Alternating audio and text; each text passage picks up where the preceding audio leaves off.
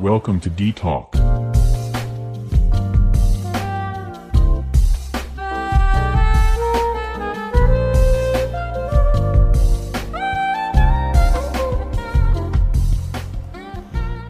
halo, apa kabar? Ketemu lagi dengan saya, Ardi Wicaksono Masih di Dito Ardi Talk Gimana kabarnya hari ini? Sehat? Oke, semoga tetap sehat dan jangan lupa buat bahagia ya. Soalnya kalau rasa hati itu seneng Maka mood juga akan menjadi positif. Segala sesuatunya akan terasa menjadi lebih baik. Tapi buat kamu yang mungkin sedang apa ya bete mungkin atau lagi hmm, punya masalah-masalah tertentu jangan khawatir. Hari ini kita bakal ngobrol-ngobrol. Soal apa? Soal makan. Hmm. hmm. stay tune.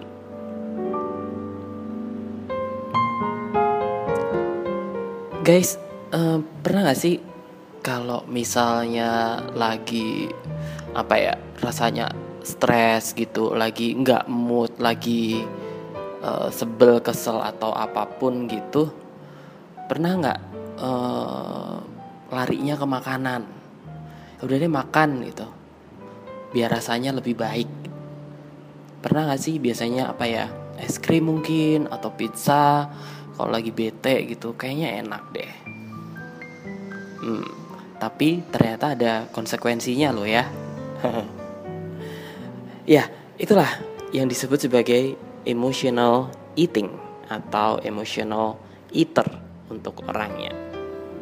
Jadi adalah orang-orang uh, atau situasi yang membuat kita lari ke makanan ketika kita sedang ada masalah jadi untuk uh, membuat kita merasa nyaman selama sesaat. Ya, memang makanan itu kan memang memberikan sensasi rasa nyaman. Apalagi makanan-makanan yang cenderung manis seperti coklat dan es krim. Lebih banyak makanan manis daripada makanan yang gurih. Jadi kalau makanan yang gurih biasanya uh, seperti pizza atau junk food lainnya, burger. Tapi yang lebih banyak dikonsumsi adalah makanan-makanan manis seperti es krim. Enak kan kalau misalnya lagi bete gitu, nonton TV atau ngapain sambil makan es krim, coklat itu dingin-dingin, hmm, rasanya nyaman ya. ya sih, itulah yang disebut sebagai emotional eating. Jadi suatu keadaan di mana kita uh, berusaha memenuhi rasa nyaman dengan makan. Padahal situasi sebelumnya kita berada dalam fase atau kondisi yang tidak nyaman oleh sebab apa pun. Jadi larinya ke makanan. Emotional eating itu menggunakan makanan untuk membuat kita merasa lebih baik untuk memenuhi kebutuhan emosional, bukan kebutuhan lapar fisik. Nah, sayangnya dengan makan masalahnya nggak selesai juga kan, masih tetap ada kan, ya kan? Bukan berarti terus kalau makan masalahnya terus kemudian berakhir, enggak. Jadi emotional eating itu tidak menyelesaikan emotional problems. Bahkan pada beberapa orang setelah makan justru akan merasa lebih buruk. Kenapa? Guilty feelings, merasa bersalah, duh, makan segini banyak. Apalagi orang-orang yang memiliki masalah dengan berat badan. Nah, kan? Jadi ada semacam apa ya? siklusnya gitu.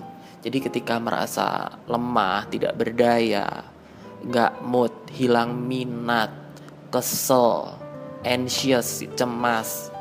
Kita berusaha meredakan itu semua dengan makan. Ada ada sesuatu yang membuat kesel gitu ya. Itu diselesaikan dengan makan. Bahkan kadang-kadang makanannya justru nggak dinikmatin, asal makan aja. Dan keadaan-keadaan ketika kita sedang emosional itu kita tidak menyadari seberapa banyak makanan yang sudah masuk ke dalam mulut. Tiba-tiba habis banyak aja. Es krim gitu, oh tiba-tiba udah banyak ya. Habis itu selesai, kenyamanannya juga akan berakhir. Dan masalahnya tidak terpecahkan. Nah, repot kan? Lalu apa yang harus dilakukan? Hal pertama yang harus dilakukan adalah membedakan antara emotional hunger sama physical hunger. Harus bisa membedakan rasa laparnya ini apakah karena perubahan emosi atau karena memang kita lapar waktunya makan. Itu yang harus bisa diidentifikasi. Gimana caranya? Nih, kalau namanya emotional hunger, itu datangnya tiba-tiba. Jadi begitu ada sesuatu hal yang mungkin bagi ini moodnya bebek saja gitu.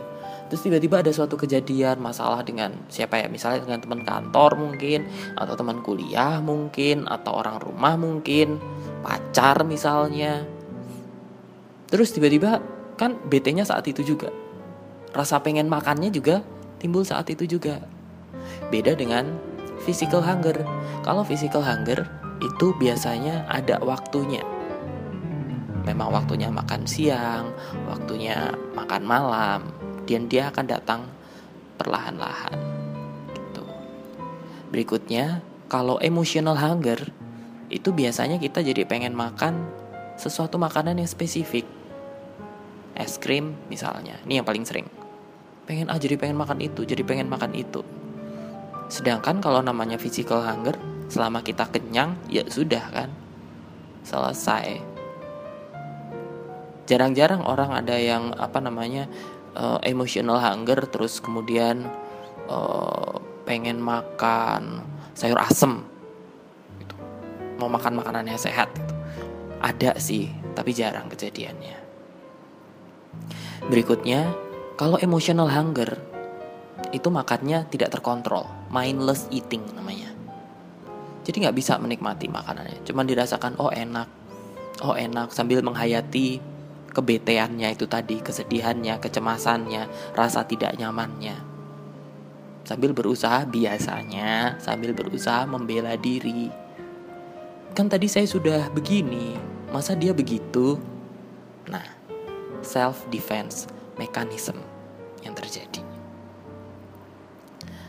Selanjutnya, kalau namanya emotional hunger, itu tidak akan selesai dengan sekali makan. Balik lagi seperti yang tadi saya katakan. Kalau makannya udah habis, apakah persoalannya selesai? Enggak kan? Dan yang terakhir, kalau namanya emotional hunger, itu biasanya nanti akan berujung dengan rasa bersalah. Duh, makannya banyak. Duh, kok jadi makan itu ya? Gitu duh duitnya habis gitu misalnya. Nah jadi harus diidentifikasi apakah ini emotional eating atau uh, physical hunger. Sorry emotional hunger atau physical hunger. Sebenarnya apa sih penyebab dari emotional eating itu? Ada beberapa trigger atau pencetus dari emotional eating yang pertama adalah stres. Oh, ini yang paling banyak nih. Apalagi kalau stresnya berkepanjangan. Ini biasanya akan membuat uh, keadaan emotional eating ini juga jadi berkepanjangan, terbiasa makan terus begitu. Ketika ada hormon stres yang namanya kortisol, kortisol ini kemudian uh, memicu rasa pengen makan yang itu tadi, padahal uh, pengen makannya bukan karena perut kosong. Jadi semakin stresnya ini tidak terkontrol, kemungkinan untuk emotional eating akan semakin besar. Yang berikutnya adalah emosi yang menumpuk. Jadi kayaknya aduh banyak banget sih apa yang dikerjakan ini itu ini itu gitu. Jadi emosinya bisa berupa rasa marah, eh, rasa takut gitu. Kesedihan, kecemasan. Aduh gimana ya gitu. Terus kemudian rasa apa ya rasa kesepian. Nah itu atau merasa diri ini tidak berguna terkucil gitu. Itu ada yang larinya ke situ menjadi ke arah makan. Walaupun ini tidak tidak berlaku pada setiap orang ya karena kondisi setiap orang juga berbeda. Nah kemudian eh, rasa-rasa kesepian seperti itu atau rasa bosan pengen ada sesuatu yang mengisi hidup dipindah itu ke makan. Ya udah gue mengisi hidup gue dengan makan. Ngunyah terus. Jadinya kayak lagu anak-anak. Satu mulut saya tidak berhenti makan. Hmm. ngomong soal anak-anak hal ini juga bisa dipicu oleh kebiasaan masa kecil jadi kalau misalnya oh uh, rewardnya selalu berupa makanan nanti akan terbawa dalam masa dewasanya. Jadi ketika, kita sudah berhasil melakukan sesuatu, kita akan cenderung untuk memberi reward uh, atau hadiah bagi diri kita berupa makanan juga. Gitu. Nah, jadi yang punya anak-anak harap diperhatikan ya, hati-hati. Nah, yang terakhir adalah social influences atau pengaruh dari lingkungan sosial. Lingkungan sosial ini bisa teman-teman, entah teman kuliah, teman nongkrong, rekan kerja gitu, kolega gitu, atau lingkungan di sekitar. Jadi eh, kadang yaudah yuk makan aja, yaudah yuk makan aja gitu. Jadi kebiasaan untuk yaudah kalau sedih makan itu nanti eh, akan membuat seseorang menjadi emotional eater.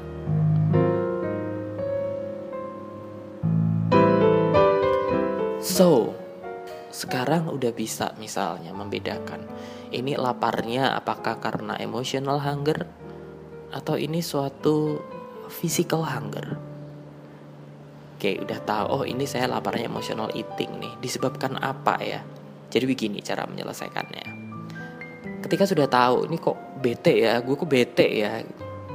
Kita tahu kan masalah kita apa gitu. Kita juga harus sadar apa yang menyebabkan uh, kita itu cenderung pengen makan gitu. apakah tadi keadaan stres kecemasan atau rasa sendiri kesepian merasa tidak berguna atau hal lain gitu. kemarahan misalnya anger. Itu yang diselesaikan sebenarnya adalah pemicunya, bukan bagaimana membuat diri kita merasa nyaman. Jadi, alih-alih untuk menimbulkan rasa nyaman sesaat dengan makan, sebaiknya yang dilakukan adalah menyelesaikan masalah kita itu. Namanya task oriented. Jadi, kalau kita ada masalah, jangan menggunakan self defense mechanism. Jangan menggunakan mekanisme untuk membela diri kita. Saya udah bener kok kan saya tadi sudah begini gitu. Aduh oh, tadi saya kayaknya begini deh jadi saya harus menebusnya gitu. No. Kita identifikasi masalah kita apa. Lalu selesaikan itu. Jadi uh, selesaikan akar masalahnya bukan terus kemudian membawanya ke mana-mana. Akar masalahnya akan tetap ada selama tidak diselesaikan. Jadi, apa yang harus dilakukan? Ini berikut beberapa caranya. Oke, yang pertama, kalau kamu rasanya kesepian, depressed, cari temen. Ini yang paling bagus Cari seseorang yang bisa membuatmu merasa lebih baik. Pergi ke keramaian sama teman-teman kalau bisa misalnya. Walaupun mungkin yang diobrolin adalah obrolan-obrolan receh gitu ya, bercanda gitu atau malah gosip atau apa pun. Itu akan memperbaiki keadaan emosi. Kalau pemicunya adalah kesepian ya. Kesepian nih nggak ada temen sendirian. Ya udah cari temen dong kalau begitu. Kalau masalahnya adalah kesepian. Kalau teman-temannya lagi pada jauh, telepon bisa, gitu, chatting, gitu, ngobrol. Pada intinya jangan biarkan dirimu tenggelam dalam kesendirian. Oke, okay? oke okay, next. kalau rasanya cemas, anxious, gunakan energimu untuk sesuatu hal yang positif sambil diselesaikan masalahnya. Cemas nih, aduh ada tugas besok belum selesai. Oke, selesaikan tugasnya. Untuk meredakan kecemasannya, mungkin bisa digunakan uh, apa namanya lagu-lagu yang melodinya itu menenangkan. Tuh. Atau stretching. Atau jalan-jalan sebentar. Hirup udara segar, kemudian selesaikan pangkal kecemasannya. Apa? Nah, kalau untuk kecemasan yang berlangsung lama, sangat dianjurkan untuk menggunakan metode relaksasi rutin. Gimana caranya? Paling bagus adalah meditasi. Bisa dicari di YouTube, banyak banget tuh metode meditasi.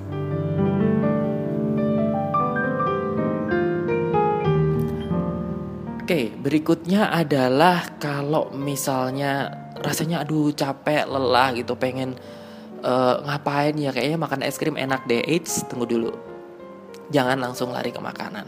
Kalau kamu kelelahan, hal pertama yang harus dilakukan adalah istirahat. Oke, istirahat.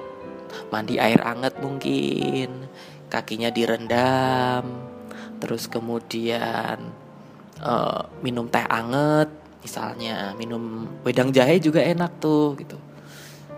Memang itu juga uh, apa ya kesannya kok jadi kayak sama ya minum gitu tapi kan bukan makanan atau minuman yang densitas energinya besar. Karena ini tujuannya untuk mengembalikan energi, untuk memperbaiki kelelahan itu tadi. Jangan langsung terus kemudian makan. Oke, kalau misalnya lelah dan memang waktunya makan, silahkan makan. Selanjutnya uh, ini, kalau bosan, sama seperti kalau tadi sendiri, cari teman atau lakukan sesuatu yang menjadi kegemaran, hobi. Baca buku misalnya. Nonton misalnya. Atau apa pun. Olahraga misalnya. Nah, itu bisa sangat membantu. Lalu gimana kalau misalnya aduh udah udah terlanjur stres, udah terlanjur uh, depres, sudah terlanjur anxious terus kemudian uh, udah mau udah pegang makanan aja kalau bisa sih uh, tunggu dulu, tahan dulu. Bisa nggak kalau misalnya makanannya ditaruh dulu barang semenit, dua menit, lima menit. Merenung dulu, check in with yourself, dilihat apa yang salah, masalahnya di mana. Untuk melalui proses seperti ini, mutlak butuh kedewasaan pribadi dari seseorang. Mau atau tidak menyadari masalahnya, mau atau tidak mengakui kesalahannya kalau memang dia bersalah. Jadi jangan dilimpahkan atau e, dilarikan ke makanan itu tadi.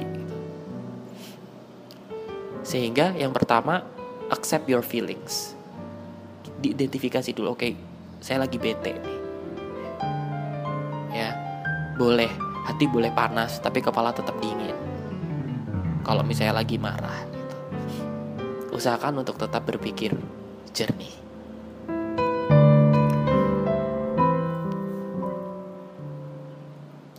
Ya, tadi saya sebut bahwa uh, emotional eating ini bisa berlangsung kronis ya, bertahun-tahun bahkan. Gimana untuk uh, kalau misalnya udah terlanjur nih, memang biasanya udah kayak begitu, gitu. Apa yang harus dilakukan? Gitu. Oke, ini ada beberapa tips untuk memperbaikinya yaitu dengan pola hidup sehat. Hmm, klasik ya, but it works. Ini adalah rekomendasi umum untuk emotional eater. Yang pertama, buat jadwal olahraga rutin. Olahraga yang dilakukan rutin itu akan membuat otak kita mengeluarkan hormon endorfin Hormon endorfin ini hormon yang menenangkan, disebut sebagai hormon bahagia. Orang kalau endorfinnya melimpah, dia akan merasa happy.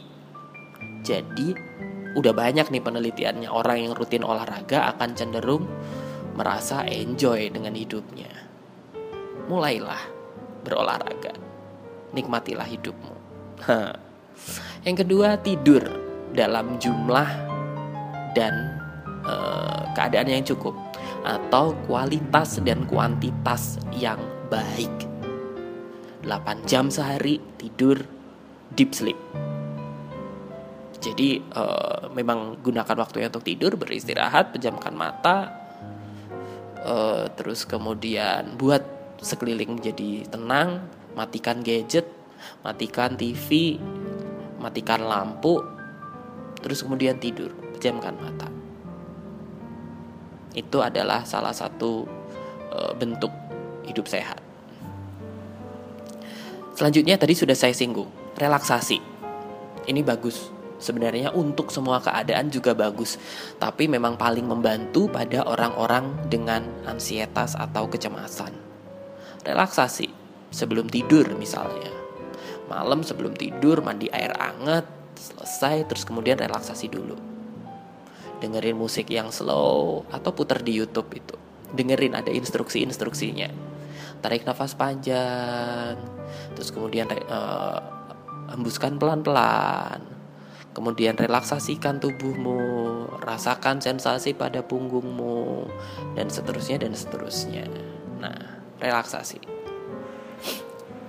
Kemudian yang terakhir adalah bersosialisasi. Jangan biarkan dirimu sendirian. Kamu punya teman di luar sana. Kalau enggak, make ones. Buatlah pertemanan. Cari orang yang bisa diajak berteman. Sehingga kita tidak merasa sendirian. Karena mau bagaimanapun juga namanya manusia adalah makhluk sosial. Kita butuh orang lain. Kita nggak bisa hidup sendiri. Okay? Sehingga kalau ini semua dilakukan, ya balik lagi. Ujung-ujungnya adalah pola hidup sehat. Kalau kebiasaan kita baik, maka keadaan mental kita juga akan cenderung walaupun tidak selalu ya menjadi lebih baik. Kenapa saya bilang nggak selalu? Karena masalah akan selalu datang. Tidak peduli seberapa sehat kita. Tetapi kalau kita memang sudah memiliki kebiasaan yang baik, yang sehat, masalah-masalah mental juga akan bisa diselesaikan. Oke, okay? mensana incorpore sano kata peribahasa ya. So, stay healthy, stay happy. Saya Ardi Wicaksono, undur diri. Sampai jumpa di episode di talk berikutnya. Ardi Talk. Bersama saya, Ardi Wicaksono. Bye-bye.